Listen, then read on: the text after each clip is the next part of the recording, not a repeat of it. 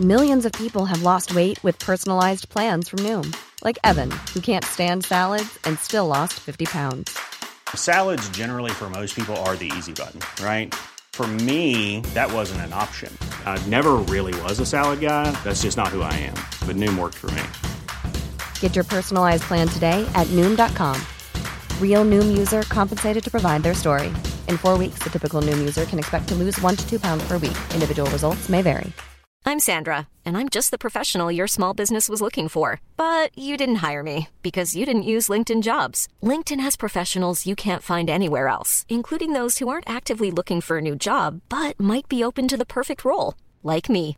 In a given month, over 70% of LinkedIn users don't visit other leading job sites. So if you're not looking on LinkedIn, you'll miss out on great candidates like Sandra. Start hiring professionals like a professional. Post your free job on linkedin.com/people today. Here's a cool fact. A crocodile can't stick out its tongue. Another cool fact, you can get short-term health insurance for a month or just under a year in some states. United Healthcare short-term insurance plans are designed for people who are between jobs, coming off their parents' plan, or turning a side hustle into a full-time gig.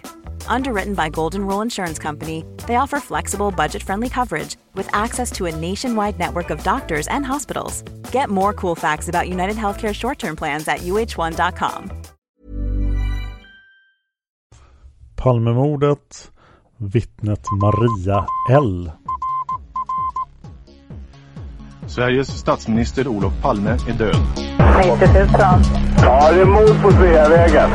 Hörde de säger att det är Palme som är skjuten.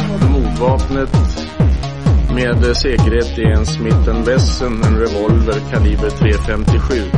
Inte ett svar. Det finns inte ett svar.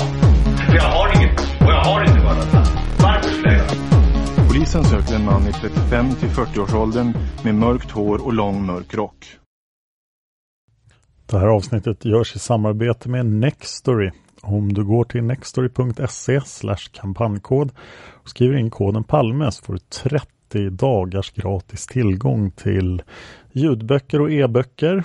Och en bok som finns där och veckans boktips är 11 september och andra terrordåd genom historien av Gunnar Wall. Det började som en vanlig solig tisdagsmorgon på USAs östkust. Men under några timmar förvandlades vardagen till ett fasansfullt inferno för många tusen personer. Den 11 september blev ett datum som kom att förknippas med tidernas mest sensationella terrordåd. Nu har tio år gått, så han måste ha skrivit den 2011. Vissa delar av mardrömmen har vi börjat glömma. Andra inslag i det som hände fick vi inte veta något om då. Författaren Gunnar Wall har gått tillbaka och kartlagt det kusliga förloppet steg för steg. Han har också undersökt ett delvis okänt internationellt maktspel som förklarar vad som skedde före, under och efter den 11 september. Sanningen är i stora stycken förbluffande. Attentatet kom inte alls som en blixt från klar himmel. Det fanns många som försökte förhindra det. Men i Vita huset blundade man envist och till synes systematiskt tills det var för sent. Gunnar Wall har skrivit flera bästsäljande böcker om brottslighet, makt och politiska hemligheter. Han avslutar sin dramatiska genomgång av 11 september med ett kapitel om terror genom tiderna. Jag sitter med Leopolds permar, Börje Wingrens permar fortfarande. Och det är svårt att förstå var alla vittnen passar in och så vidare. Jag önskar jag hade Börje till hjälp. Men han är inte i livet längre. Så jag måste lösa det här. Eh, och dagens avsnitt ska handla om bara ett enda vittne, Maria L. Men jag ska först nämna ett annat vittne som jag trodde först att det ledde fram till Maria L. Men det är si och så med det. De bor i samma hus. Och det här vittnet är Maria-Lisa R. Hon är förhörd den 15 mars klockan 15.30 av inspektör Per Gustafsson. Hon bor på Bragevägen 1 i Norsborg händelse, eventuell bekantskap med Viktor Gunnarsson. Marja-Lisa var tidigare gift med en Peter B och de skildes för omkring sju år sedan. Marja-Lisa bor nu tillsammans med Lars H. Och det är inte samma Lars H som är svensk extremhöger. Lars Tage H kan vi kalla den här mannen. Hon uppgav att hon ej träffar Peter B men att de talas vid per telefon. Huvudsakligen är det Peter B som ringer till henne. Detta sker cirka en gång per vecka. Maria-Lisa vet inte om de träffats under året, alltså 1986. Möjligen under januari. Senast hon talade med honom var under gårdagen 86 03 14. Varken hon eller Peter B har vid något tillfälle berört mordet på statsminister Palme. Samtalen dem emellan har varit rent allmänt. Marja-Lisa tillfrågades om hon kände någon person vid namn Viktor Gunnarsson eller Vic Gunnison. Hon hade aldrig hört talas om namnet tidigare. Hon kände ej till någon sådan person. Peter B har ej heller nämnt detta namn. På särskild fråga om hon brukar umgås med grannarna i trapphuset så uppgav hon att hon ej gör detta. Hon vet inte vad grannarna heter. Beträffar grannarna L och C så hade hon ett vagt minne av att L hade varit uppe hos henne med anledning av någon cykelaffär. Detta var dock länge sedan och endast vid ett tillfälle. Möjligen så har Maja-Lisa också talat med C vid något tillfälle i trapphuset. Hennes kontakter med grannarna sträcker sig inte längre än till detta. Vid samtal med Maja-Lisa fanns där också Lars Tage H och Monica R som är dotter till Peter B. Och Peter B kommer komma tillbaka i andra förhör men det är inte han vi tar sikte på här utan det är grannen L. Maria L. För henne kommer Palmeutredningen att fatta stort intresse för. Och den första kontakten med Maria L jag hittat är ett förhör från 86 03 11 klockan 18. Eh, Maria L önskar vara anonym och är förhörd av Säpo och okänd eh, tjänsteman. Hon har inget jobb utan erhåller socialbidrag. Kompletterande info angående Åke Lennart Viktor Gunnarsson. Maria L kontaktade Säpo med anledning av att, alltså SÄK, med anledningen att hon vid 16-tiden dag som ovan sammanträffade med polisman Paulston någonstans i Stockholm. Hon uppgav att de hade bestämt var de skulle träffas eftersom hon ej hade sin telefon och ej önskade besök eftersom hon bevakades av en organisation. Hon hade lärt känna den ovannämnda Viktor Gunnarsson under 1985 och uppgav att denne arbetade för CIA. Hon var ej nöjd med mötet med Paulsson eftersom han ej önskade ta del av de videofilmer hon hade. Anledningen till detta var att Viktor Gunnarsson förekommer i dem och Paulsson hade endast varit intresserad av ett körkortsfoto. Hon uppgav att Gunnarsson bor på sin mantalsskrivningsadress men även vistas hos en bekant vid namn Antonio boende i Saltsjöbo samt att Viktor Gunnarsson har en lägenhet på fem rum och kök i området kring Olofsgatan och Hötorget. Hon uppgav vidare att Viktor Gunnarsson har minst sex olika pass, bland annat i namnet Nicol Ostlis. ID identiskt med den man som greps i Helsingborg enligt Maria. Gunnarsson har enligt henne en bekant vid namn Tony Anti, vilken skulle ha varit med vid gripandet i Helsingborg. Jag undrar väldigt mycket vilket gripande i Helsingborg de pratar om. Följande namn har Victor Gunnarsson. Vittorio de la Garcia, nationalitet spansk, mexikansk eller chilensk. Victor de Mercier, fransk. Lennart Olsson, israelisk. Victor Gunnison, amerikansk. Victor Gunnarsson och Viktor Olsson. Viktor Gunnarsson ska enligt L tidigare hetat Olsson och bytt namn under 1983. Han har besökt ett flertal länder, innehar bara tillfälliga arbeten och har bland annat varit som anställd som lärare vid vuxengymnasiet i Sundbyberg. Och då har han uppgivit att flera KGB-agenter har varit hans elever. Vid SÄK är känt att Gunnarsson under ett år varit gift med en polsk medborgare Irena Janina O. Äktenskapsskillnad 8208 och att Gunnarsson talar ett flertal språk. Och jag misstänker att SÄK ganska omedelbart hivar över det här till Palmeutredningen. För redan nästa dag blir Maria L förhörd av PU. 1906 03 12 klockan 14.30 är uppgiftsmottagaren L.E. Andersson. Och eh, han har levererat ett förhörsprotokoll som heter referat och inte dialog. Och där står följande. Maria uppgav att hon lärde känna Viktor Gunnarsson i oktober månad 1985. Hon hade hört talas om honom i ett par månader.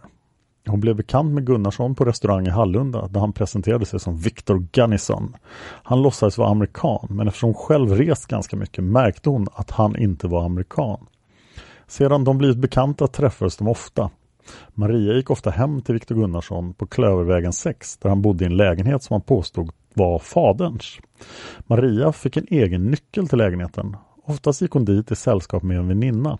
I början talade Gunnarsson engelska men Maria svarade på svenska och hon märkte att han förstod allt som hon sa. Han var dock mycket språkkunnig och kunde tala flera språk.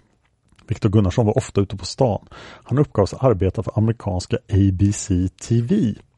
Han hade även talat om att han arbetade för CIA och visat en bricka som han hade i fickan. Vad han gjorde ute på stan vet inte Maria, men han försökte värva nya medlemmar till CIA. Han delade ut visitkort och brukade skriva sitt telefonnummer i Hallunda på korten. Han talade mycket om terrorister och det framgick indirekt att han var engagerad på något sätt. Han nämnde RAF, Bader-Meinhof med flera. Med anledning av detta hade Maria kontaktat polisen. Viktor Gunnarsson har vidare berättat att han rest världen runt och att han varit i Sverige i sammanlagt tre år. Han bytte namn från Olsson till Gunnarsson 1983. När Maria hade känt Viktor Gunnarsson i tre veckor talade hon om att han hette Gunnarsson och inte Gunnison som han först hade uppgivit. Sen är bitar och pappret försvunnet här men jag ska försöka läsa det i alla fall. Det är fortsättning på samma. Eh, Maria märkte att Gunnarsson verkade mystisk. Han berättade för henne att han hade fem eller sex olika pass. Två av passen hade han någonting, ett i Polen, ett i Sovjet. I lägenheten på Klövervägen hade någonting sådant pass som Maria kunde se. Någonting till att Gunnarsson hade någon kontakt med någon bekant i censur. Det var inte dåligt tryck utan verkligen censurerat. Eh, någonting däremot kände hon inte till någon bekant i Vällingby. Någonting talade ofta om olika organisationer av typ CIA, FBI, KGB med flera. Eh, någonting uppgav att det måste ha varit Gunnarsson och hans kompis som polisen i någonting gripit och som man skrev om i tidningen. I övrigt uppgav Maria att Gunnarsson i december månad 1985 talat om att han snart skulle få en revolver. Han ringde ofta till USAs ambassad på kvällarna för att tala med ambassadören Forsberg och dennes hustru. Han var mycket för att berätta om vad CIA gör. Viktor Gunnarsson gjorde även efterforskningar omkring Maria. Söndagen den 2 mars 1986 hade Viktor Gunnarsson ringt till Maria. Han uppgav att han hade ont i halsen och att han var hemma. De hade då inte träffats på tre veckor. Var Viktor Gunnarsson varit under den tiden är inte känt. Maria uppgav vidare att det är hans stil att fotografera inne på biografen. Visserligen har han inte sagt att han gjort det, men Maria hade läst i tidningen att någon hade fotograferat och det är troligen Viktor Gunnarsson. I övrigt uppgav Maria att hon är avlyssnad i hemmet. Hon vet inte av vem. Kanske det är grannen ovanför som hon tidigare låtit kontrollera genom bekanta och som hon misstänker tillhör KGB. Han har fel namn på dörren. I lägenheten får hon även förgiftat vatten. Hon har låtit analysera vattnet och från laboratoriet fått besked om att vattnet är friskt men hon tror att även labbet är inblandade. Ventilationen i lägenheten var en gång full av gas. Detta märktes då hon satte på spisens ugn så att det blev varmt och gasen utvidgade sig. Hon insåg dock snabbt vad det var frågan om och kunde ta med sig sin son och lämna lägenheten. Det här inträffade för tre år sedan. Maria har tre barn var den yngsta är 13 år gammal just nu. Inget av barnen var i hemmet. Men eh, hon vill inte tala om var de fanns. Eh, Maria har två väninnor som ganska ofta träffat Viktor Gunnarsson. Det är Mirva J och Hannele A. Eh, båda bor i Norsborg. Maria tillade att Viktor Gunnarsson tidigare haft mustasch men att hon mötte honom 20 februari och att han då hade tagit bort mustaschen. Maria uppgav att Viktor Gunnarsson disponerar en femrumslägenhet på Olofsgatan. Lägenheten ägs av Orientresor. Nu är Palmeutredningen hur öppet som helst och Maria L förhörs den 13 mars också. Eh, faktiskt av kriminalinspektör E Skoglund, om jag inte har fel, är det han som var inblandad i Skandiamannen då, tre månader senare. Och det är ett dialogförhör. Förhörsledaren. Ja, Maria. Jag får säga Maria till dig. Maria. Ja. Förhörsledaren. Du blev ju hörd igår av en kollega till mig angående den här mannen som kallar sig för Vick Gunnarsson. Hur länge har du känt honom? Maria. Sedan 1985 i oktober. Förhörsledaren, hur nära känner honom? Jag tänker liksom gå in på detaljer. Maria, ja ganska nära som person och som människa alltså. Förhörsledaren, jag förstår. Maria som en yrkeshavare på sitt eget område. Förhörsledaren, vad jobbar han med egentligen? Maria, ja egentligen så tror jag att han är CIA-agent faktiskt. Förhörsledaren, vad är det du grundar detta på? Maria. För det första grundar jag på det han har berättat till mig. För det andra så är det att man har sett CIA-brickan i hans ficka. Förhörsledaren, vad, vad har du sett för någonting? Maria, CIA-brickan? Förhörsledaren, sånt där tjänstetecken? Maria, ja. Sen på grund av att han har gått väldigt mycket in på i sitt eget arbete, berättat väldigt mycket till mig. Förhörsledaren, ska vi ta det kanske om du kan komma ihåg det, allt han har berättat. Maria, väldigt lång historia. Det började 1985 i oktober. Då hade jag hört talas om honom som annan person. Han presenterade sig till mig. Då hade en kompis sagt lite grann saker och ting om honom. Och då kallade han honom för Victor Persin. Förresten, den här kompisen, kan du namnge honom eller henne? Maria, nej henne kan jag inte säga vem det var men kompisen finns inte någonstans. Han försvann efter det. Han heter Bengt. Han ska vara kompis till någon Säpo-kille. Förstligen, vet, vet du namn? Maria, nej ingen namn. Förstligen, han försvann alltså den här Bengt tidigt. Maria, han försvann mycket tidigt. Förstligen, och du nämner liksom en kvinna också. Maria, ja det var en kvinna som kände honom. Via den vägen fick jag de här. Förhörsledaren, och vem är det?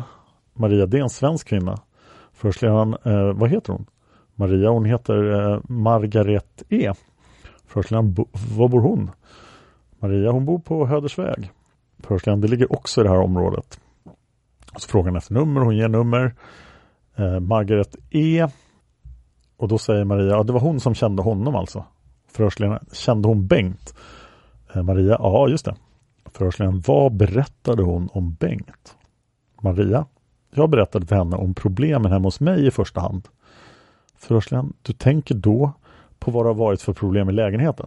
Maria, just det. Förhörsledaren, du talar här om typ gaser och liknande. Maria, ja. Förhörsledaren, du säger vidare att du har tappat håret på grund av dessa gaser. Du säger vidare här att det förmodligen är någon organisation med utlänningar som ligger bakom. Maria, ja.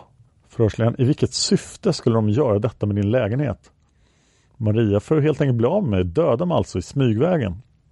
Förhörsledaren, av vilken anledning? Maria, för att jag vet för mycket. Förhörsledaren, om vad? Maria, om tydligen allting som händer överallt. Förhörsledaren, det är till exempel Maria, till exempel bankrånet i Hallunda för 2,5 miljon. Förhörsledaren, eh, vad vet du om bankrånet i Hallunda? Eh, Maria, jag vet ungefär vilka som var med. Förhörsledaren, är det uppklarat? Maria, nej. Förhörsledaren, kan inte du säga vem som gjorde det? Maria, inte allihopa som har varit med, men delvis kan jag säga. Förhörsledaren, och det är Maria, ja det är till exempel Huddingepolisen. Förhörsledaren, har, va, har varit med på det? Maria, ja. Förhörsledaren, vem där? Maria, de andra vet jag inte namnet på men jag kan dem utseendemässigt plus en kvinna plus sådana som har varit som gashjälp. Förhörsledaren, gashjälp? Maria, ja. Förhörsledaren, i din lägenhet? Maria, nej, där vid inbrottet i banken, bankens fack du vet. Eh, Förhörsledaren, för att återgå nu lite grann till vad du känner om till om den här Vic Gunnarsson. Maria, det kanske är bättre om du frågar. först. nej, det är lite svårt för mig. Jag är alltså inte insatt i det här du vet. Jag tycker att eh, du kan berätta spontant. Jag har i min hand här fotostat två sidor upptagande en myckenhet av namn. Maria, ja, det är ju hans föreningsmedlemmar delvis alltså. Han kallar den där föreningen Mex Americanadas och det finns en symbol för det som jag har sett en gång. En väldigt sån här svartvit symbol, krigisk på något vis. Det har troligen en del av de medhjälpare som finns i Sverige. Förhörsledaren, du namnger här, pekar på Farid och sen hela raddan neråt här. Maria, ja men det är bara en del av den här listan för han skriver upp allting. Förhörsledaren, de här uppgifterna, har du möjligtvis tagit dem från hans anteckningsbok i smyg? Maria, ja i smyg. Jag hade bråttom att skriva dem. Förhörsledaren, ja jag förstår, det är tydligt och klart det här namnet B. Peter B. Maria, ja han är österrikare, han är väldigt stor. Förhörsledaren, kan du beskriva honom? Maria han är ljus, han är med i det här gänget, inte som kompis med honom Viktor utan mer som arbetskompis. Han är väldigt stor. Han är ungefär 194-196 cm lång, ganska kraftigt byggd, har lite krullaktigt hår. Ljus är han, väldigt tystlåten man annars. Man vet inte riktigt vad han går för. Men han har varit gift och han är skild och han har en dotter. Annars arbetar han troligen på Botkyrkabyggen eller på gatukontoret. Förhörsledaren, vad har han för uppgift där? Maria, jag vet inte riktigt. Jag känner inte till hans arbetsuppgifter. Som fritidssysselsättning har han troligen någonting med det här att göra. Förhörsledaren. Men de här namnen som vi nyligen nämnt här. Maria, ja, speciellt just med den här Viktor. Ja, vara den här otroligt store mannen. Förhörsledaren, det tror du? Maria, ja, jag har inte sett honom, jag har inte varit på platsen, men han skulle passa in. Förhörsledaren Peter B skulle passa in i mordet på Olof Palme. Är det så du menar? Maria, inte på mordet men kanske som medhjälpare, men han behöver inte ha med det här att göra. Han ser ut sådär lite, han har lite boxarblick i ögonen och sådär. Förhörsledaren. Resterande namn är, vi har alltså klarat av det här gänget. Sen kommer då Patrik, Antonio med flera. Maria, den där, eh, den här Martin B heter han egentligen. Förhörsledaren, står det? Maria Bar P eller W eller eventuellt H. Eh, antingen H eller B eller W. Förhörsledaren, här står Grüningen Holland. Maria, ja han jobbar för World Relief. Förhörsledaren, och det ligger Maria, det ligger i Grüningen, jag har adress dit. Förhörsledaren, har du det i minnet? Maria, nej, men eventuellt i min anteckningsbok. Jag kan titta för jag har skrivit väldigt mycket upp av nyfikenhet. De gör ett kort avbrott. Maria tittar i sin anteckningsbok Förhörsledaren fortsätter. Vi fortsätter och vi pratar om B, Peter B. Maria, han är österrikare, han bor i Alby. Förhörsledaren, du tror att han kan vara en utav de här stora? Maria, han skulle kunna vara, för han är otroligt stor. Förhörsledaren, inte bara i storleken utan även stor i andra sammanhang. Maria, han jobbar ihop med den där Viktor, men i vilket syfte vet jag inte riktigt. De arbetar ihop inom, han ingår i föreningen förhörsledaren. Du känner alltså till en massa saker om de olika organisationerna som den här Viktor förekommer i. Maria, ja, som Viktor har berättat om. Eh, förhörsledaren, du tror själv att han tillhör FBI till exempel. Maria, va? Förhörsledaren, du sa den där brickan som han hade. Maria, CIA. Förhörsledaren, Amerika, nåväl. Ska vi nu lite grann beröra mordet på Olof Palme? Det är väl i huvudsak det som det här samtalet ska röra sig om. Tror du att Viktor Gunnarsson på något sätt har Maria, ja, ja det tror jag. Jag tror faktiskt att han är mördaren själv. Förhörsledaren, kan du lite grann förklara det här? Maria, han har förklarat väldigt mycket i förbifarten. Han har förklarat till exempel om den här gatan. Västerlånggatan 31 sa han. och det är ett mycket trevligt ställe runt omkring. Han har liksom förklarat i förbifarten, inte direkt. Han har pratat om Rosenbad och sagt att det är ett ganska intressant ställe. Han har pratat om Olof Palme och han sa Olof Palme ej bra. Sen har han pratat om de här västtyska terroristerna. Just de här som står i tidningarna. Först, han började med västtyska ambassaden och det nämner han bara också i förbifarten. Och sen nämner han den där Bader-Meinhof-ligan i förbifarten och sen gick han in på Ulrika där. Sen nämner han Steinhamnsfängelset i förbifarten. Men jag pratar annat så kommer han med sina svar. Han nämner Stuttgart, han nämner Christian Klar i förbifarten. Och kommando snackar han ofta om. Och Det var kommandostugorna även för den här amerikanska delen, Gröna Baskrarna de är ju rätt så kända från Vietnamstider. Samtidigt så nämner han också namnet Holger och då pratar han om kommando. Och Sen nämner han RAF. Han nämner, nu vet jag inte riktigt om det står för tyskarna eller om det står för japanerna, vilket så. Men han pratar både om tyska delar och deras medhjälpare Japan till exempel. Det är troligtvis de här röda brigaderna. Sen pratar han om IRA också. Sen pratar han om sitt jobb igen, hur han rest runt i världen, hur han varit ute nu sju år i sträck och varit tre år i Sverige i olika bitar förhörsledaren vid olika tillfällen. Maria, ja, och fyra år i Sverige. Nej, utomlands menar jag. Det är sådana här ställen han har gått på alla möjliga. Det finns en lång lista på den. Sen så 1979 var han i Hallunda 1979 och då har jag en bekant som var ett Jehovas vittne på hans, ringt på hans dörr och då har han blivit väldigt arg. För han tål inte Jehovas vittnen. Så han hade sagt till dem att hör du du, du ska inte ringa på min dörr för jag går till kyrkan när jag går till kyrkan. Och förresten så mördar jag också när jag mördar. Enligt vad jag känner honom. så är han kapabel att göra sånt. Han har utbildning för det. Enligt vad jag vet så är han också här i Sverige för att göra detta. Han talade om till mig mycket tidigt att han har en uppgift här i Sverige. Om någon sätter fast honom så kommer han döda den personen. Sen så talar han om att när han har gjort sitt arbete i Sverige då ska han gå direkt från Sverige när han är färdig med sitt jobb. Förhörsledaren eh, till? Frågetecken. Maria, ja då ska han till USA så småningom. Jag ringde till honom efter mordet för jag var bergsäker på att han gjort det tillsammans med sina kompisar redan i fredags på natten när man hörde det. Och då ringde jag till honom på söndagen. Vilket telefonnummer ringde du honom på? Maria ringde till hans bostad och så säger hon telefonnumret.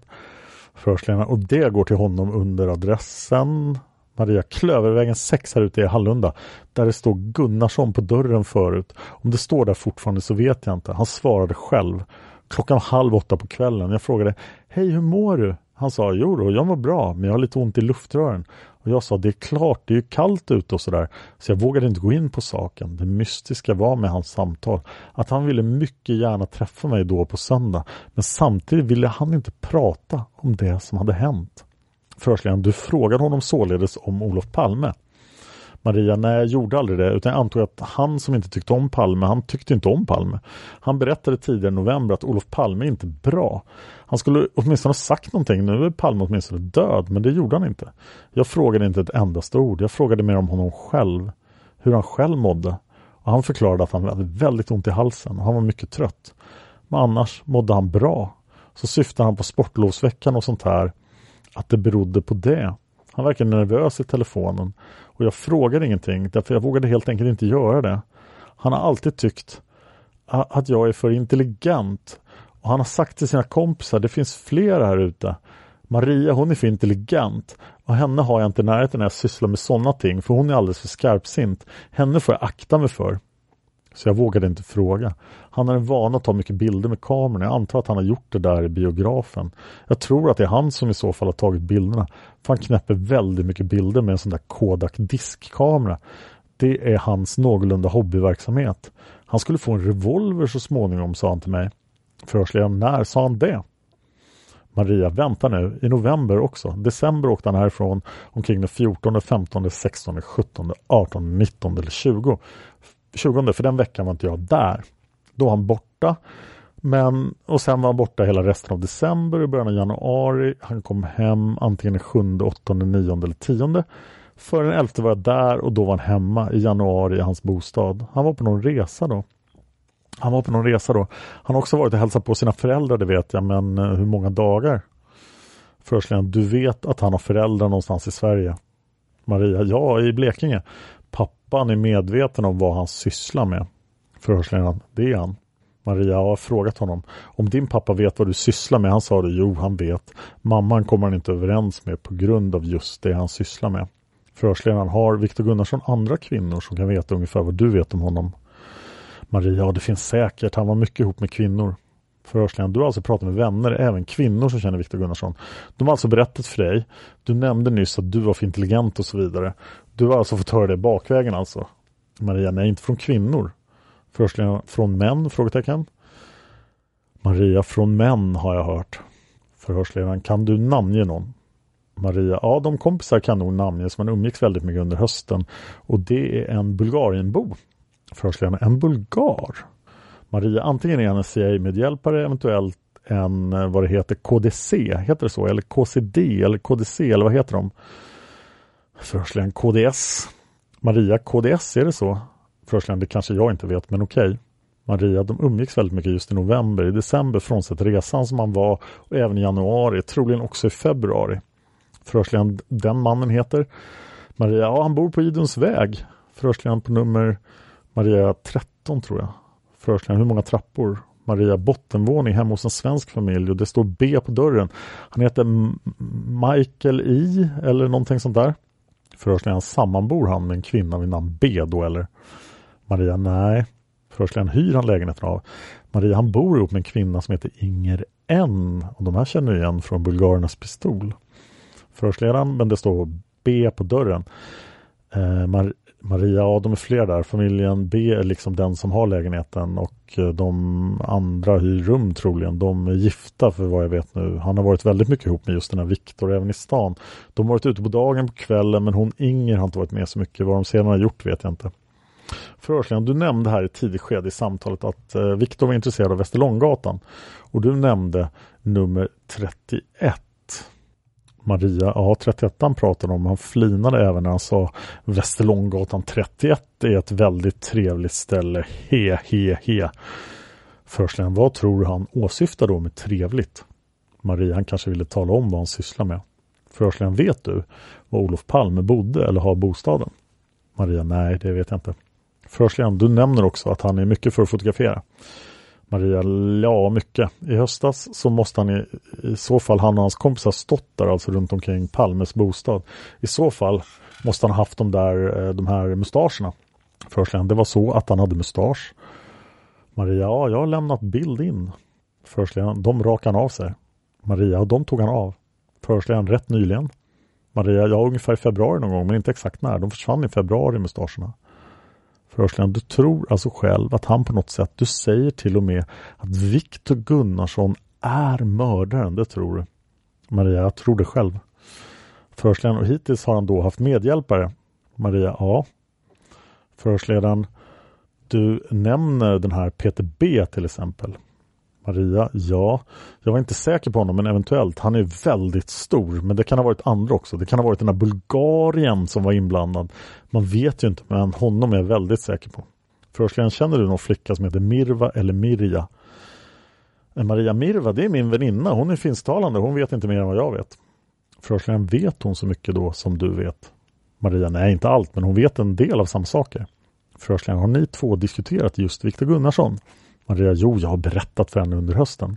Förhörsledaren, det hon vet, det kommer egentligen från dig då. Maria, ja just det, jag har berättat, men hon har också träffat honom efter mig en gång. Förhörsledaren, när såg du Viktor Gunnarsson senast? Maria, honom någon gång alldeles i början av februari. Den här eh, Mirva, hon har träffat honom en gång efter. Förhörsledaren, men sen så har det alltså kommit till telefonsamtal mellan dig och Viktor Gunnarsson. Maria, ja. Förhörsledaren, och rätt ofta. Maria, ja, jag har ringt.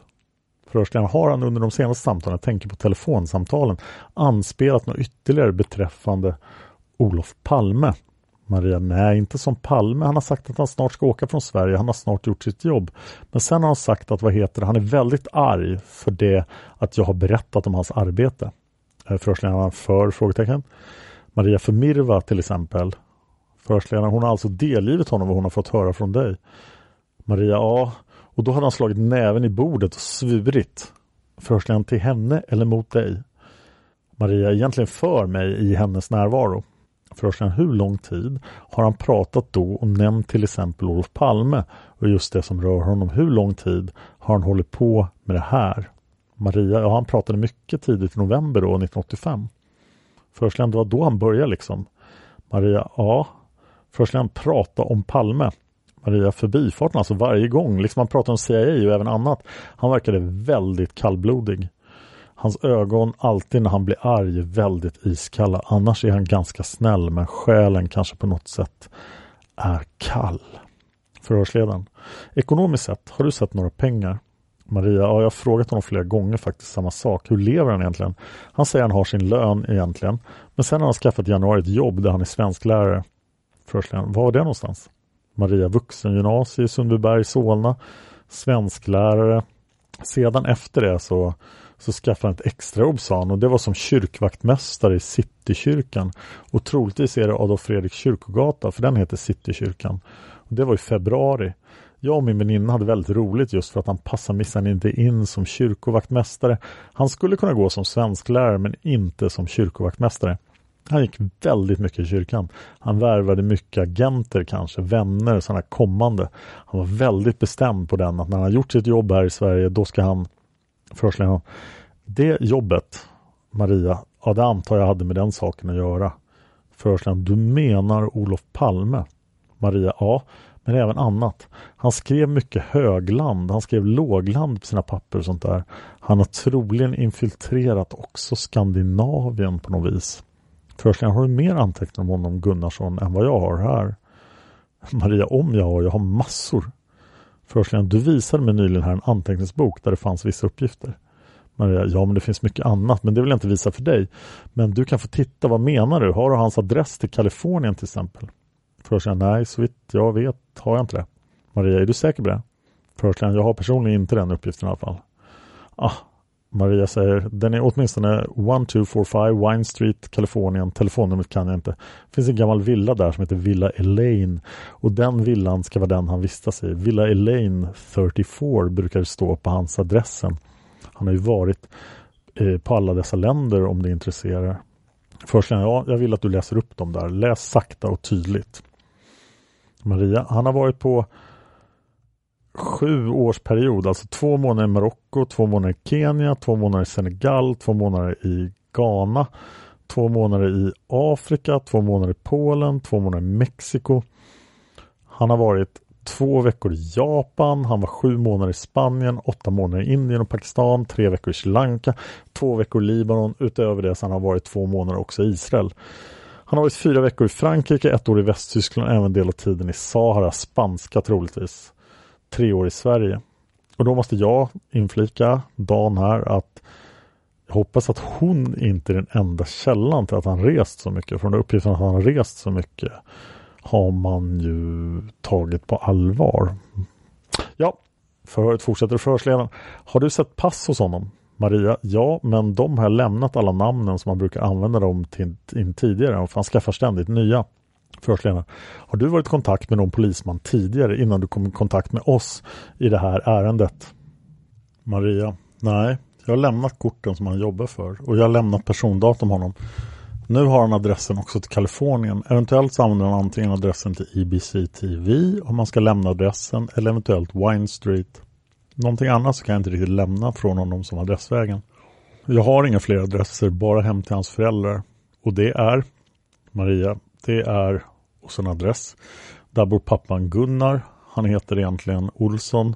Men han bytte namn 1983 till Gunnarsson. Sen går han med en massa olika namn, enormt mycket. Jag tror att den mannen som heter Nigel, det är han och. Han föddes 1953, den där Nigel.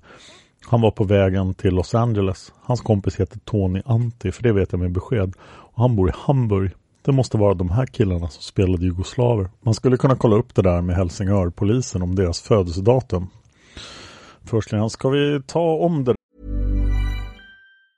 I'm Sandra and I'm just the professional your small business was looking for. But you didn't hire me because you didn't use LinkedIn jobs. LinkedIn has professionals you can't find anywhere else, including those who aren't actively looking for a new job but might be open to the perfect role, like me.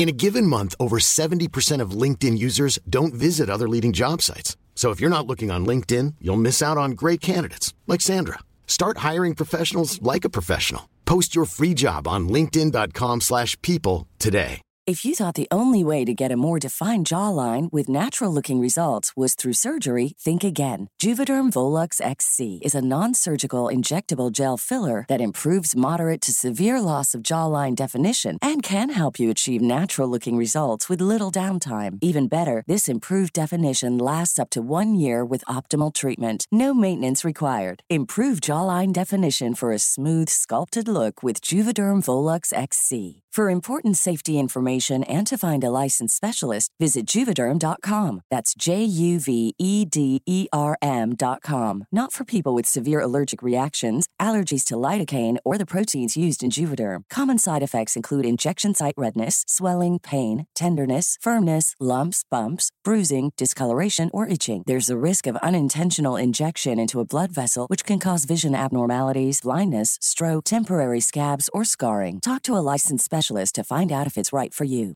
Quality sleep is essential. That's why the Sleep Number Smart Bed is designed for your ever evolving sleep needs. Need a bed that's firmer or softer on either side? Helps you sleep at a comfortable temperature? Sleep Number Smart Beds let you individualize your comfort so you sleep better together. JD Power ranks Sleep Number number 1 in customer satisfaction with mattresses purchased in-store. And now save 40% on the Sleep Number limited edition smart bed for a limited time. For JD Power 2023 award information, visit jdpower.com/awards. Only at Sleep Number stores or sleepnumber.com.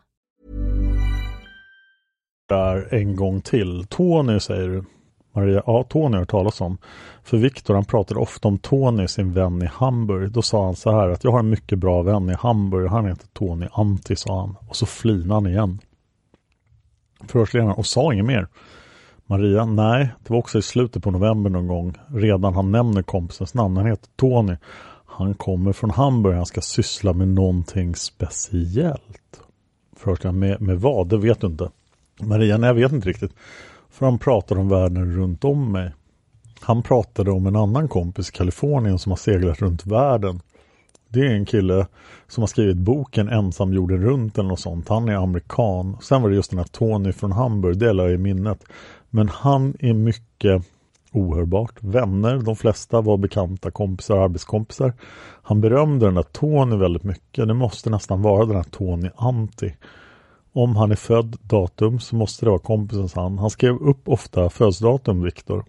Han skrev först 530331 så skrev han sitt eget namn efter och där är han ju 530331 så skrev han under 490329. Vem det riktigt kan vara är det inte. Men jag antar att det kan vara kompisen i sammanhanget. Tony var ungefär fyra år äldre alltså. Han bodde alltså i Hamburg, jag tror att de åkte tillsammans och det var de två som gick över gränsen. Först när och var? Maria, för jag har försökt ringa till honom, hans telefon svarar inte. Förhörsledaren, har du telefon till Tony? Maria, nej, utom till den här Viktor. Förhörsledaren, han var borta en tid sa du. Maria, ja han var borta förra veckan. Förhörsledaren, kan du ge mig något tips eller tolka det hur du vill? Hur ska vi angripa Viktor Gunnarsson? Hur ska vi få honom på fall om det är som du tror? Maria, ja han verkar vara. Om du läste en tidningsartikel om de här killarna, de här jugoslaverna, vilket jag tror är Först vad åsyftar du nu för någonting? Tidning om killarna jugoslaverna. Maria artikeln som fanns från Helsingör, polisens sida, som fanns i tidningen, det var den sjätte fredag eller och nu sitter en stor lapp över bilden på den här permsidan där det står VGs resplan Tyskland, senare USA. Och där kan inte jag läsa vad det står under den. Så nu hoppar vi en bit här. Maria håller på. Han måste ha samma kille helt enkelt. Kompisen heter Tony. Enligt vad jag vet heter han Antti efterhand. Han ska vara ungefär 36 år. Han ska bo i Hamburg. Hon man ska gripa dem, det är frågan. Jag kan inte adressen till Tony. Men jag vet att enligt gamla planerna så var Viktor på väg så småningom till censur och sen till censur i Holland och sedan till Kalifornien. Eventuellt inte om han har blivit kändis han kanske blir tvungen att ändra på det här. Då kanske han åker raka vägen till Kalifornien eller stannar i Tyskland ett tag. Då antar jag att han ska finnas i Hamburg åtminstone veckan. Om inte eventuellt hos den andra killen som står här, Michael F. Han ska vara antingen i Köln eller i Dortmund den här killen. Jag vet inte riktigt vilket. Förhörsledaren, det namnet noteras här på början på fotostatkopian här. Och här saknas en sida i förhöret. Sen fortsätter förhörsledaren, det här är sida 13 i förhöret. Mars. Maria, ja. Här står det i början att de var väldigt rädda. Inte den andra, inte Tony, men Nico. Han tycks vara en mycket rädd person eftersom Tony sa till sin kompis att Nico var lugn nu. Läser man om det flera gånger, som det är nu de här killarna, vilket jag tror att det är, så upptäcker man att det är ganska mycket humor i det på sätt och vis. Förhörsledaren, vilken tidning åsyftar du? Maria, jag tror det var Aftonbladet, men jag är inte säker på om det är Expressen. Förhörsledaren, ja vi pratar alltså nu hur vi ska kunna angripa Gunnarsson. Du menar då att vi är de här jugoslaverna eller hur menar du? Det var alltså min fråga som jag ställde. Hur menar du? Maria, men förstår du vad jag menar? De är ju inte jugoslaver. De har förfalskade pass, förfalskade pass i sådana fall. Den här Nico, han måste alltså kunna kollas eh, om han är på vägen till Kalifornien till 1245 Wine Street i Los Angeles. Eller eventuellt är på vägen till 4151 Avenue i Hollywood Los Angeles. Och då är det någonting TV. Han måste vara samma kille helt enkelt. Kompisen heter Tony. Och här står det plötsligt 16 på sidan så då skulle det saknas två sidor här. Maria, om du skriver till exempel Köln, Dortmund så ska han eventuellt finnas där den där killen någonstans i något sammanhang. Det är väldigt svårt för mig att säga hur man ska ta honom. Annars är han en väldigt snäll person men han är ju rädd att åka dit. Tydligen också en person som är kapabel att mörda Viktor. Om man ska få tag i honom så måste man helt enkelt komma på honom någonstans. Antingen då i Dortmund, Hamburg, Köln eventuellt och möjligtvis i Eindhoven. Han ska den vägen dit i så fall. Då ska det vara troligen, jag är inte säker på det, men troligen amerikanskt militärområde. Han ska tydligen, det ligger en bit utanför Eindhoven. Då åker man mot kanalen och ovanpå det finns ett litet ställe där de har sina militärområden, CIAs kontor annars. Andra fallet så är det bara Kalifornien där man kan ta honom. Förhörsledaren, en sak som jag vill fråga dig. Vilken grupp representerar egentligen Viktor Gunnarsson? Om det nu är så att han är gärningsman. Vilken grupp?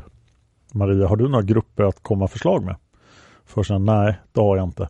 Men du har ju själv talat om CIA här och du har talat om andra. Har han fått uppdrag? Maria, ja han har genom uppdrag. Han har gjort det här för pengar. Förhörsledaren, på vems uppdrag? Maria, det är det som är svårt att säga. Eventuellt kan det vara CIA-jobb, eventuellt. I så fall är det hans arbetsgivare. Men det kan också vara privat, någon annan som har betalat honom. Han har aldrig sagt riktigt vem som på något vis ligger bakom det här. Men eftersom han jobbat hela tiden i Sverige som CIA-agent så antar jag att det är CIA. Jag antar det.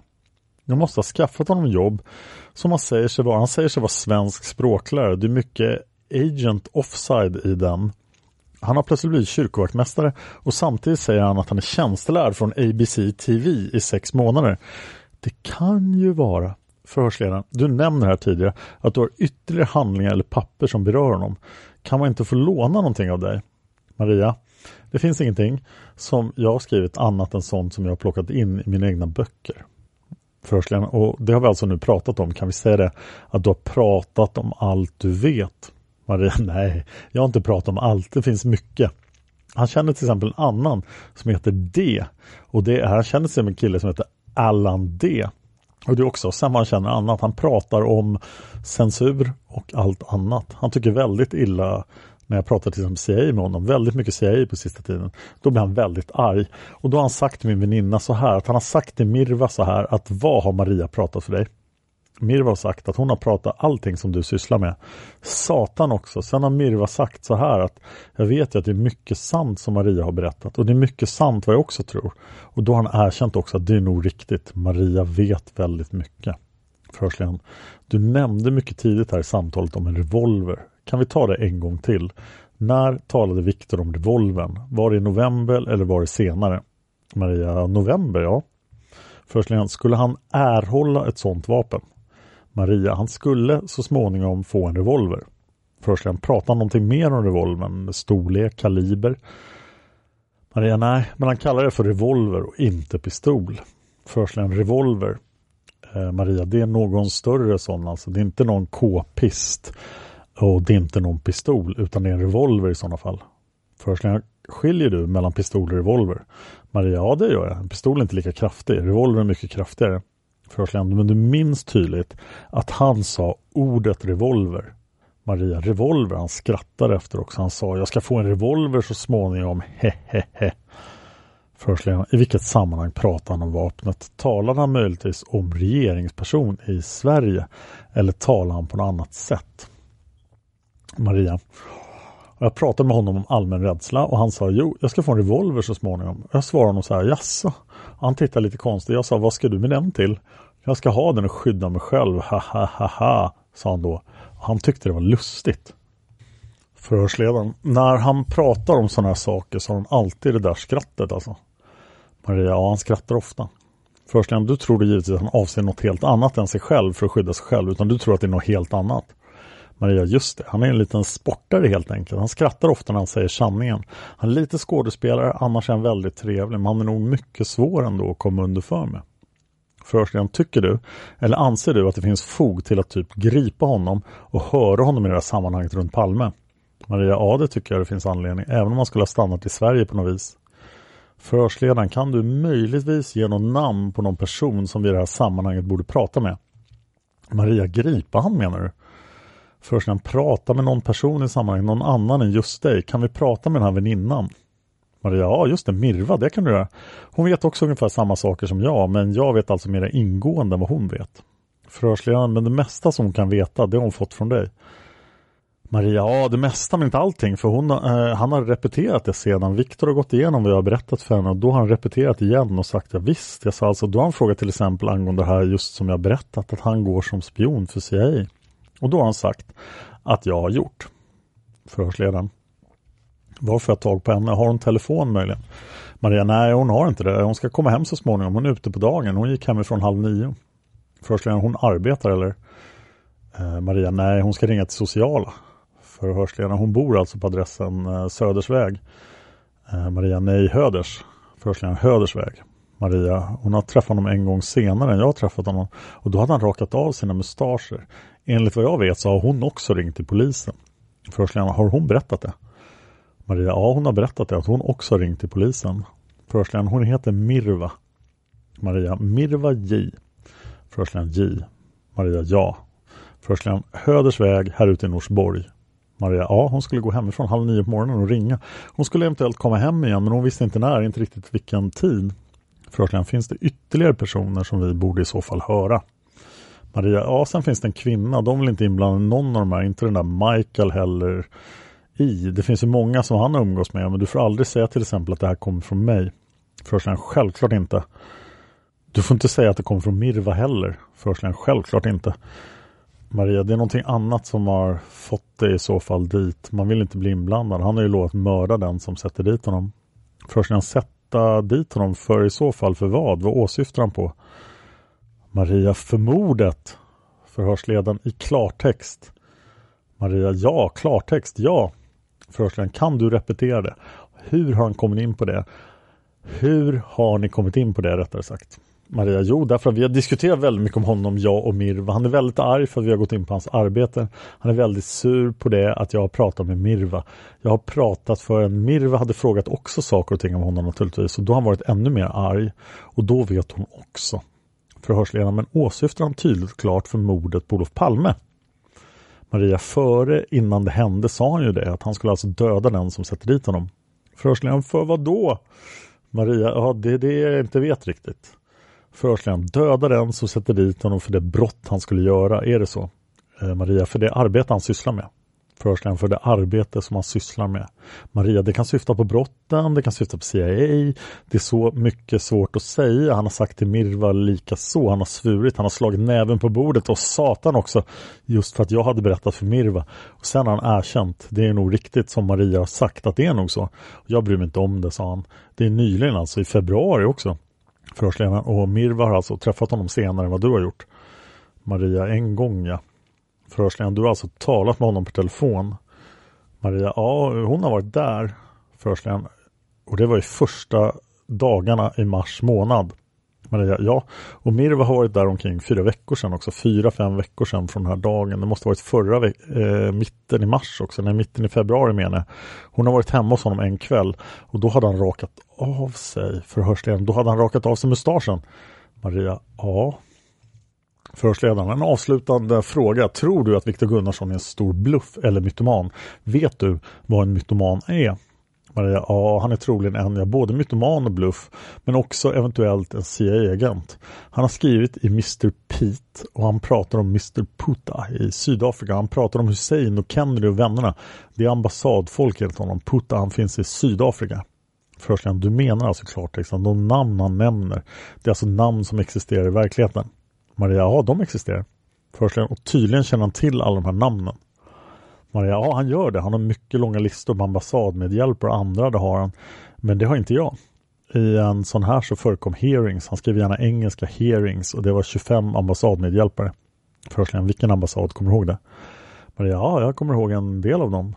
Förhörsledaren, och det var Maria, det var alla andra utom öststaterna. Vi säger det var Saudiarabien, det var Kuwait, det var Israel, det var Marocko, det var Egypten, det var någon från Mexiko, någon från Kanada, västsidan egentligen. Och samtidigt vissa arabländer. Och då pratar han om ekonomin och det är viktigt. Och de här oljeproducerande länderna de här hearings skulle gå vid två olika etapper. Ena var 30 november och den blev inte av. Den andra skulle gå den 13 december. Om det blev av sen vet jag inte. Där fanns också med en lady som kommer från finska ambassaden som heter Anita N. Henne berömde han ofta för att hon hjälper väldigt gärna till med sådana här grejer. Det här Hotell Anglais 29.11 så han har skickat den alltså långt innan hade han skickat en kort i november att han skulle 29.11 vara i Missionskyrkan i Oslo. Och det skulle handla om movie shooting. Förhörsledaren eh, och det är Maria Film eh, han spelar i de där filmscenerna. Han är mycket duktig skådespelare och då hjälpte han killarna i Nybro. Eh, MGM-produkter eller något sånt. Förhörsledaren MGM i Nybro. Maria, ja Thomas A heter den mannen. Jag tror att det är en av hans CIA-medhjälpare samtidigt. Eventuellt medhjälpare till Mex Americanadas. De utnyttjar de där vägarna väldigt mycket. Jobbet som man fick som lärare, då var det via Studiefrämjandet. Det är också som agenterna använder ofta. Kyrkovaktmästare sitter i kyrkan. Det kommer ganska plötsligt i februari. Han kan ju vara vad som helst egentligen, för han har ju de här diskussionerna. Han brukar ofta skratta lite psykopatiskt kanske. Och han har förlorat två pass, en i Polen och en i Sovjet. Och sen så pratar han väldigt mycket kommunism. Han är emot Gaddafi, han är emot ayatollah. Han har pratat om invasionen till exempel med araber, iraker och iranier. Och då har det handlat om 35 000 man eller 48 000 man till Irak eller Iran och sådana ställen. Han är kapabel att fixa om han jobbar för CIA eller jobbar som gröna baskrarna, kommandosoldat eller någonting annat. Då kan han ju använda, jag vet inte riktigt vad man ska tro, men han verkar ganska sannolikt ändå förhörsledaren i alla fall så är det så att du tror ganska säkert att mannen som vi söker för mordet på Olof Palme det är Viktor Gunnarsson. Kan man säga så? Maria ja, Gunnarsson med sina kompisar, ja det tror jag. Förhörsledaren, ja tack, nu kan det väl räcka. Maria, jag kan inte påstå det hundraprocentigt men 99 procent. Förhörsledaren, det var ett intressant samtal. Jag hoppas jag får återkomma om det är någonting. Maria, det får du gärna göra. Om du vill, kanske gå till Mirve eller någonting så kan vi kanske titta om hon är hemma. Förhörsledaren, Ja, tack så mycket så länge. Och dagen efter får två poliser uppdraget att visa bilder för Maria L. Och de har skrivit ett PM om sitt samtal med Maria L den 14 mars. Fredagen den 14 mars samtalade då eller polisassistent Claes Wisdal och polisassistent Peter Sällström med Maria L angående Viktor Gunnarsson. Maria L identifierar ett antal personer från foton, se separat Sen går det inte att läsa vad det står. Hon lämnar också ett antal upplysningar, här nedtecknade i punktform.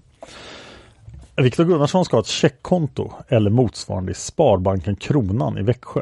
Viktor Gunnarsson ska ha ett konto eller ett bankfack i Föreningsbanken, okänd ort. Viktor Gunnarsson ska ringa mycket både inom och utom landet. Viktor Gunnarsson ska ha rakat av sin mustasch i februari. Viktor Gunnarsson ska ha varit nervös den senaste månaden.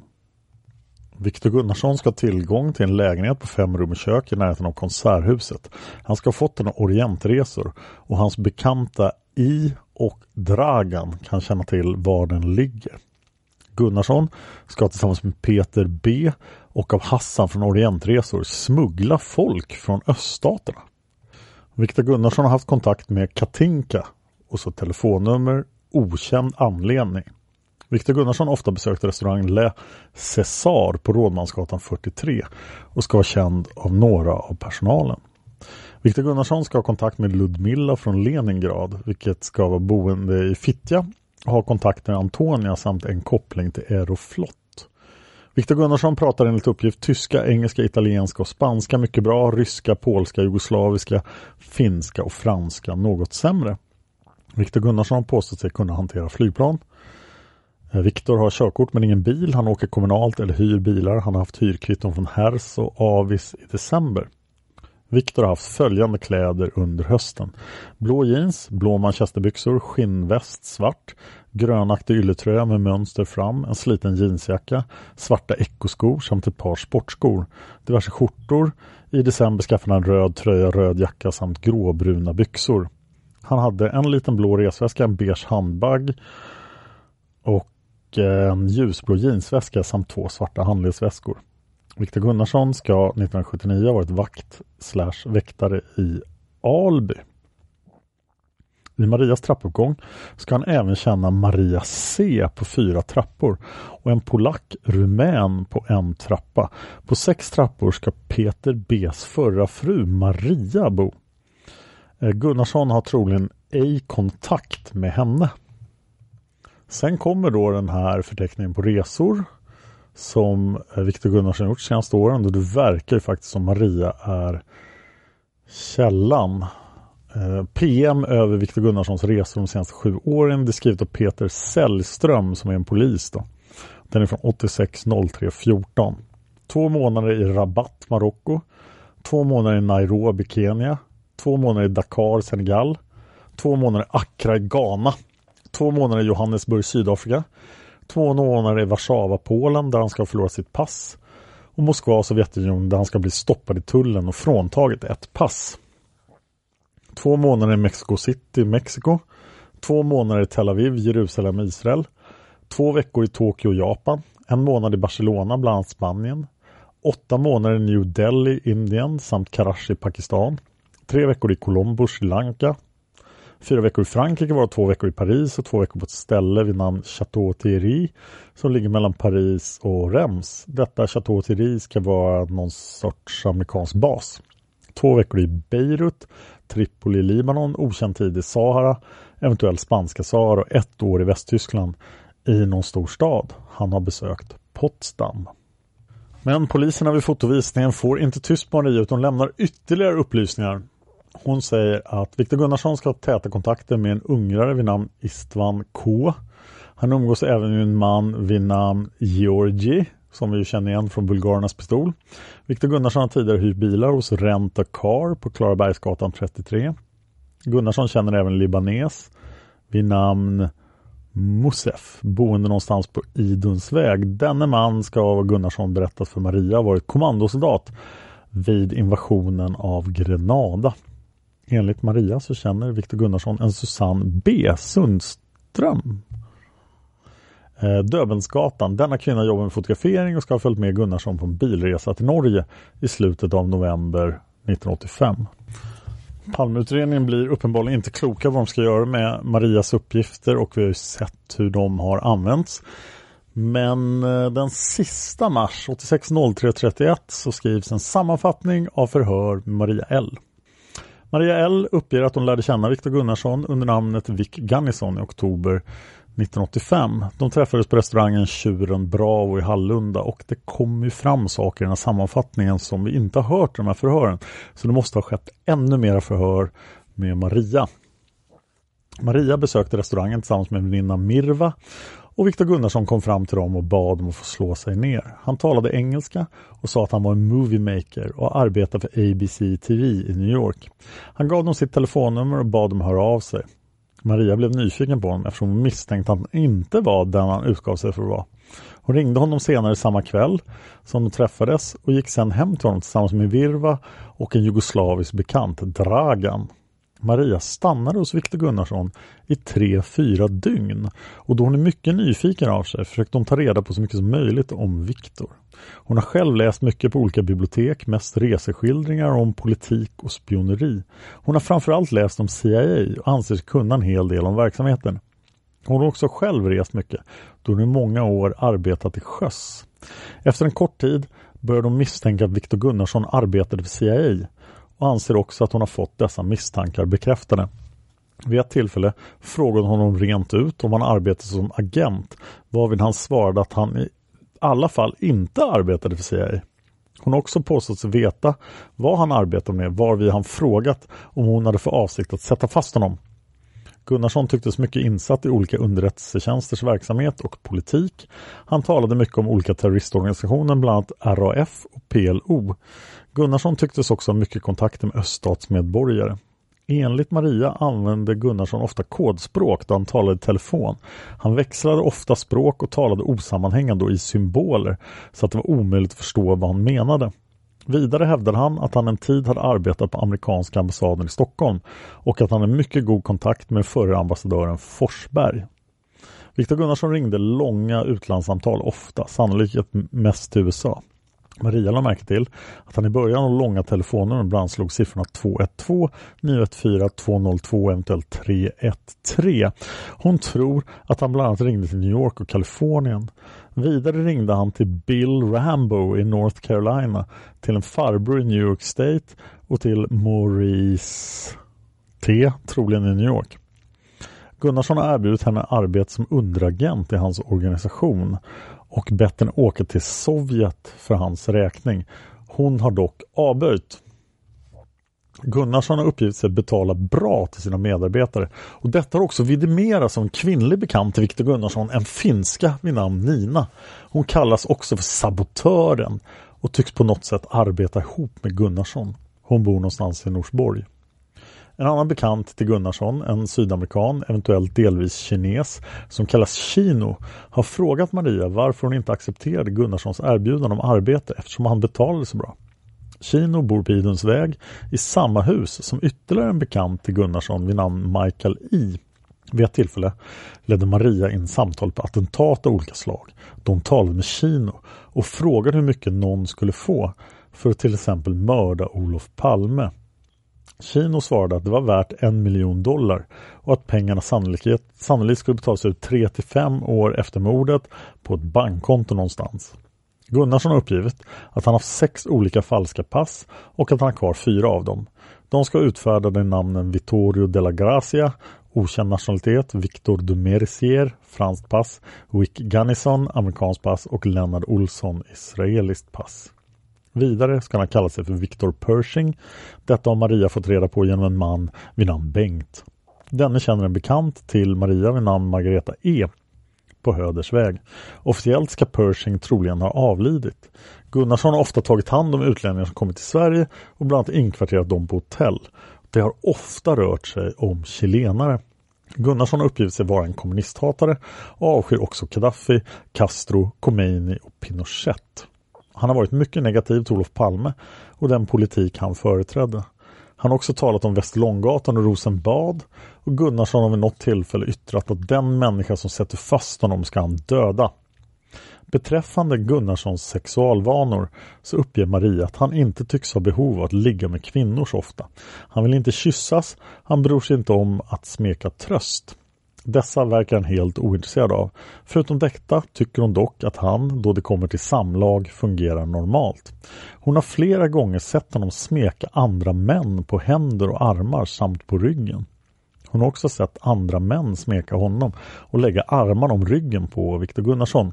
Hon har också upplevt det som att Michael I verkat svartsjuk då Gunnarsson ägnat sig åt andra. Vid ett tillfälle såg hon att han hade ett paket kondomer hemma och eftersom han inte använt sådana tillsammans med henne så frågade hon vad han hade dem till.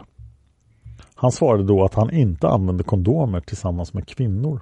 Maria har tidigare fått känslan att Gunnarsson har umgås mycket med en arab vid namn Farid som arbetar på Solna lokalradio. Enligt Marias uppfattning är Viktor Gunnarsson bisexuell. Den 23 eller 24 februari såg Maria Gunnarsson vid T-banan Hallunda. De talade inte med varandra och hon är inte säker på om han såg henne. Vid detta tillfälle hade Viktor Gunnarsson rakat av sin mustasch. Maria vet också att hennes väninna Mirva besökte Gunnarsson en kort tid innan och även hon lade märke till att han var utan mustasch. Söndagen 2 mars ringde Maria till Gunnarsson av nyfikenhet för att höra om han skulle kommentera mordet på Olof Palme. Han nämnde dock inte detta med ett enda ord. Han berättade att han skulle åka till Dortmund och Eindhoven inom kort för att hämta någon. Och vidare bad han henne att komma hem till honom, men hon avböjde. Maria anser inte att Viktor Gunnarsson är direkt religiös, trots att han ofta går i olika kyrkor. Han brukar också ofta läsa ur Bibeln för främst araber och öststatsmedborgare. Som, han uppfattat det så gör han detta, som hon uppfattat det så gör han detta främst för att knyta kontakter.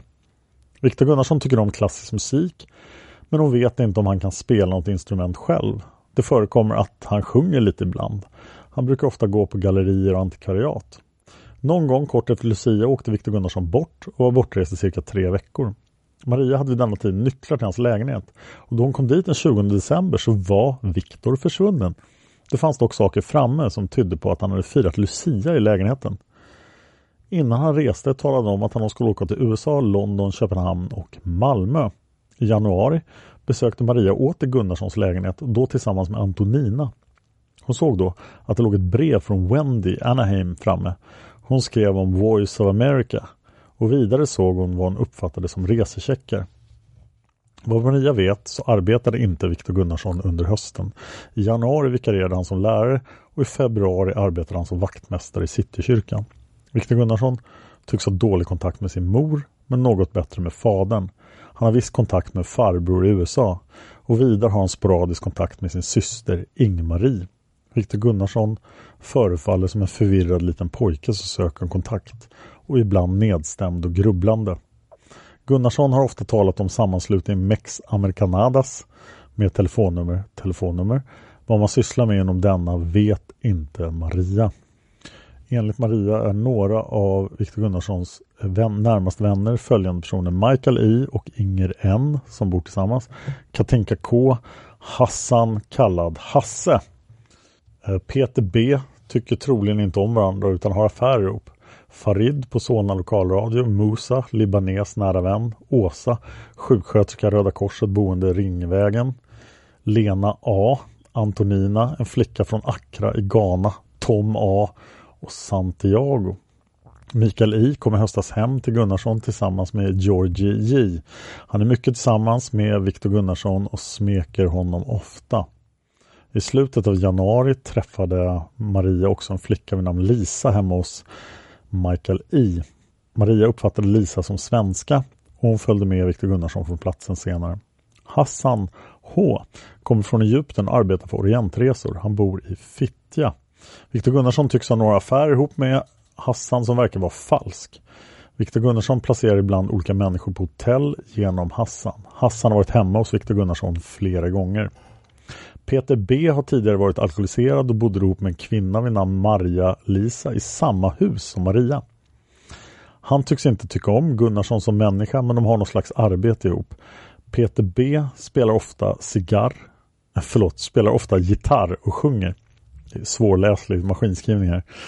Marias väninna Mirva har haft en sexuell relation med Peter B. Maria har hört Gunnarsson ringa flera telefonsamtal till Peter B och de har då alltid talat tyska som hon inte förstår. Peter B har också varit hemma hos Gunnarsson. Musa är en liten gubbe som bor med Michael I. Musa har besökt Gunnarsson tillsammans med turkar och syrianer. Enligt Katinka T har de talat om amfetamin. Musa ska ha varit i Vietnam och på Grenada vid USAs invasion. Åsa på Ringvägen var kär i Viktor Gunnarsson i slutet av november. Hon har arbetat inom Röda Korset i Vietnam. Antonina arbetar med Antonina Design. Hon träffade Gunnarsson på en turkisk restaurang på Rådmansgatan 43. Hon har besökt Gunnarsson även tillsammans med en annan ryska vid namn Ludmilla. Maria uppfattade Ludmilla som KGB-agent. Flickan från Ghana har Maria sett i Hallunda centrum. För hennes skull lärde sig Viktor Gunnarsson swahili. Katinka T träffade Maria hos Gunnarsson i december. Hon var religiös och ville be för Maria. Hon sov hos Gunnarsson flera nätter men de hade då enligt hennes uppgift inte någon sexuell relation. Vidare känner Gunnarsson en jugoslav från Makedonien vid namn Dragan. Denna har en pizzeria troligtvis i Kärrtorp. Georgi J är mystisk och har några affärer ihop med Gunnarsson. Han bor tillsammans med en polska som är en vilande KGB-agent enligt Gunnarsson. Istvan K bor i Hallunda, han är alkoholiserad och brukar prata om MI6. Maria har besökt dem tillsammans med Mirva, han har också varit hemma hos Hassan. Gunnarsson har uppgivit att han har en nära vän i Hamburg vid namn Tony Antti. Han ska vara 4-5 år äldre än Gunnarsson och ha även en affärskontakt. Han har anknytning till tennis. Antti och Gunnarsson har en gemensam bekant vid namn Nicol Osterlich, eventuellt från Los Angeles. Maria tror att Antti är jugoslav, att hans riktiga namn är Birkic. Även Osterlich är en jugoslav och heter troligtvis Jovan Mirkovic. Gunnarsson ska ha en femrumslägenhet i Stockholm city nära Konserthuset. Den ligger i ett gammalt hus och är sliten. Han har fått den genom Hassan som även stått för möblerna. Detta har både Gunnarsson och Hassan sagt. Eh, Michael I och Dragan har antagligen besökt den här lägenheten. I november eller december nämnde Viktor Gunnarsson att han skulle få en revolver för att skydda sig själv, som han sa med ett skratt. Viktor Gunnarsson har haft kontakt med ägaren till High Chaparral i Småland. Viktor Gunnarsson har berättat att han varit i Vietnam som journalist och att han där dödade en person. Detta ska ha varit 1973. Viktor Gunnarsson dricker inte sprit och mycket lite vin. Han röker inte och använder inte några som helst droger, vad Maria känner till. Det var allt Maria hade att berätta om Viktor Gunnarsson. Om ni lyssnar på den här podden på en Apple-plattform får ni hemskt gärna lämna recensioner i iTunes. För recensioner i iTunes gör att podden blir mer synlig för andra som söker. Eh, ni kan sponsra den här podden på patreon.com Palmemordet. Om ni tycker Patreon är jättekomplicerat så går det bra med Swish. I så fall kan ni skicka ett meddelande på Facebook till Palmemordet och fråga mig efter telefonnumret för Swish. Men prova gärna Patreon för Patreon gör att jag får gränssnitt så att jag kan kommunicera med er och skicka saker. Eh, så det är väldigt bra. Till exempel nyligen så blev det en bloopers-video som jag har tänkt lägga ut på inte en bloopersvideo, en bloopersfil med grejer som vi inte kan publicera i vanliga podden. Och så tänkte jag skulle lägga ut till sponsorerna på Patreon så att ni får lite extra material om ni tycker det är intressant. Palmordet finns även på Youtube. Där får ni gärna gå in och prenumerera. Där har jag lagt upp filmer från mordplatsen och mordplatsens omgivningar och jag kan även göra sådana filmer om det är någonting speciellt ni vill se. Tack för att ni lyssnar på Palmemordet. Man hittar Palmes mördare om man följer PKK-spåret till botten.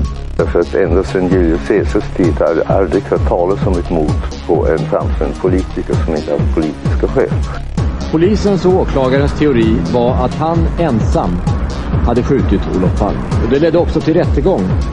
Men han frikändes i hovrätten.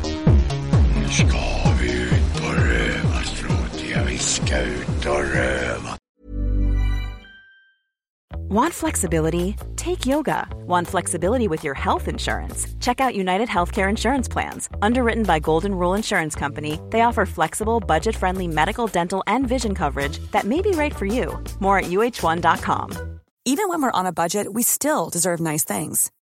Quince is a place to scoop up stunning high end goods for 50 to 80% less than similar brands. They have buttery soft cashmere sweaters starting at $50 luxurious Italian leather bags, and so much more. Plus, Quince only works with factories that use safe, ethical, and responsible manufacturing. Get the high-end goods you'll love without the high price tag with Quince. Go to quince.com/style for free shipping and 365-day returns. Here's a cool fact. A crocodile can't stick out its tongue.